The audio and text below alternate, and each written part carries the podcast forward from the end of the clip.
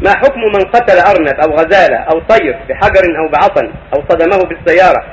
فما حكم الأكل من هذا ما يحل اذا قدم في السياره او بحجر او عصا ما يحل هذا يكون مقيت مقيت موقوت لا يحل لكن اذا قتل بمحدد او مقعد كذب معلم قتله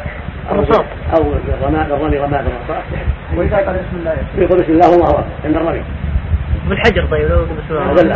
اذا كان الحجر له حد اذا كان الحجر له حد فلا بأس. آه،